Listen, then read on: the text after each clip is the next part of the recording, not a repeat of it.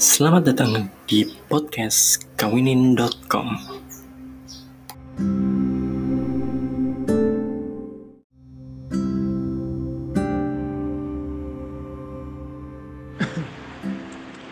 Assalamualaikum warahmatullahi wabarakatuh.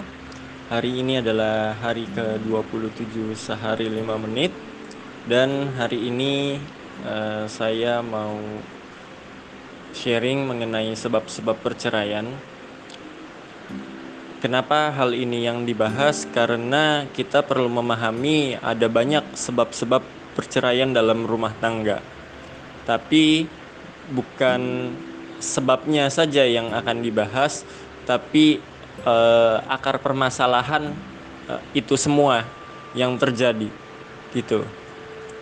Mungkin banyak sekali yang kita lihat di luar sana rumah tangga yang eh, akhirnya berakhir dengan perceraian entah karena masalah ekonomi, masalah KDRT, masalah perselingkuhan dan berbagai masalah lainnya. Banyak sekali yang terjadi. Sebenarnya bisa dibilang itu adalah sebab-sebab perceraian, tapi kita harus tahu lebih dalam apa yang membuat perceraian itu terjadi. Ya apa yang ter, uh, membuat mereka bercerai? Apakah benar-benar masalah ekonomi? Apakah benar-benar masalah perselingkuhan? Apakah benar-benar merasa sudah bosan? Uh, apakah benar-benar karena KDRT gitu? Kita harus pahami itu dulu. Kita harus uh, menelusuri lebih dalam lagi. Pertama, permasalahan ekonomi. Kalau banyak orang bercerai karena faktor ekonomi, kita bisa lihat banyak juga orang yang pernikahannya berhasil sedangkan ekonominya bisa dibilang hanya berkecukupan. Saya nggak bisa bilang miskin karena uh, hanya ada kaya dan cukup nggak ada nggak ada miskin ya. Hanya berkecukupan. Uh, penghasilannya sangat kecil, pekerjaannya uh, apa ya pekerjaannya pekerjaan pekerjaan yang tidak begitu menghasilkan uang cukup gitu. Tapi kenapa mereka bisa bertahan sampai saat ini? Kenapa mereka bisa sampai kakek nenek gitu? Kita bisa melihat begitu banyak orang-orang yang pekerjaannya tidak seberuntung kita, pekerjaannya tidak sebaik kita, penghasilannya tidak sebaik kita, tapi rumah tangganya langgeng, rumah tangganya panjang, rumah tangganya harmonis. Padahal mereka secara keuangan itu bisa dikatakan sangat minim. Makan benar-benar seadanya. Mungkin kalian pernah lihat di acara-acara televisi yang uh, mengekspos orang-orang uh, dengan apa ya, dengan harta yang kurang. Ini harta ya. Kalau rezeki pasti Allah cukupkan. Tapi kalau harta uh, uang dan barang-barang itu kurang menurut pandangan kita pandangan umum gitu. Pandangan manusia. Mereka kurang hidup mereka susah uh, mereka cuma tinggal di rumah dari bambu yang reot tinggal di gubuk. Pekerjaan mereka tidak jelas penghasilan mereka sangat kecil.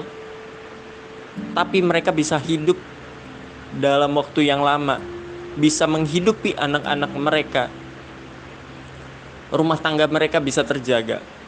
Artinya, perceraian itu bukan karena perekonomiannya, tapi tentang bagaimana hati kita bisa menerima keadaan apa pun, menerima ketetapan Allah atas apa yang diberikan kepada kita dan kita faham apa yang Allah berikan kepada kita adalah yang terbaik.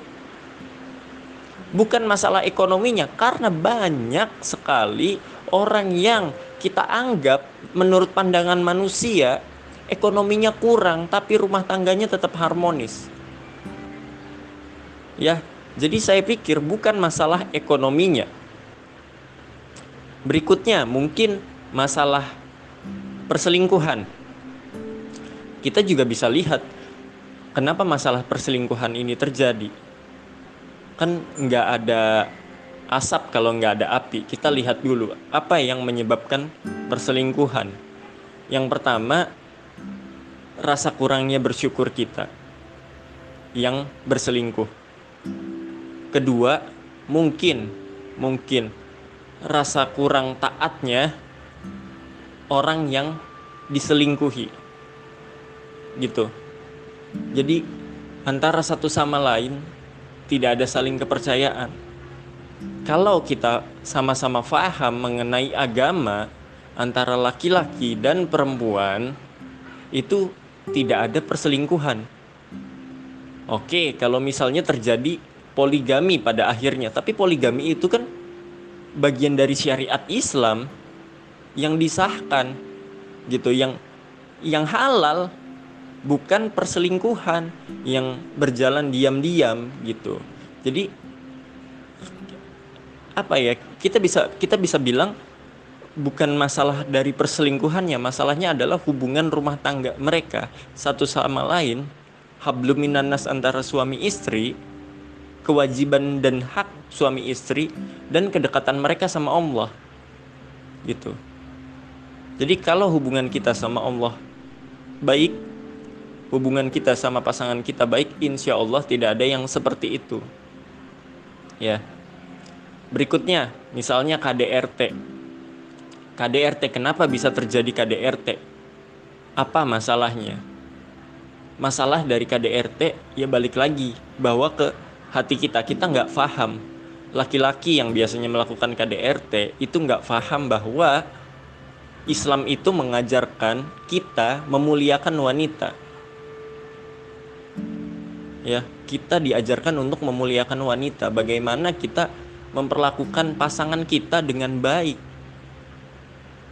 Sebagaimana Rasulullah begitu banyak mengajarkan hal-hal yang romantis hal-hal yang baik yang Rasulullah ajarkan untuk kita memperlakukan istri kita gitu. Itu yang perlu dilakukan. Berikutnya ketaatan kesabaran seorang istri juga penting dalam hal itu itu. Jadi pada dasarnya perceraian itu terjadi karena kita tidak betul-betul memahami agama. Kalau kita betul-betul memahami apa pun yang terjadi sama kita, sama rumah tangga kita, itu pasti kita yakin itulah yang terbaik. Jadi nggak perlu takut apa pun masalahnya. Gitu. Dan kenapa bisa terjadi perceraian? Bisa jadi satu orang taat, satu orang enggak, atau satu orang kurang taat. Kalau dua-duanya taat, tidak terjadi perceraian, gitu. Dan kalaupun akhirnya terjadi perceraian, yakinilah itu juga bagian dari yang Allah berikan yang terbaik untuk kita, gitu. Gitu aja dari saya. Terima kasih. Mohon maaf apabila ada kesalahan. Wabillahi taufiq wal hidayah. Wassalamualaikum warahmatullahi wabarakatuh.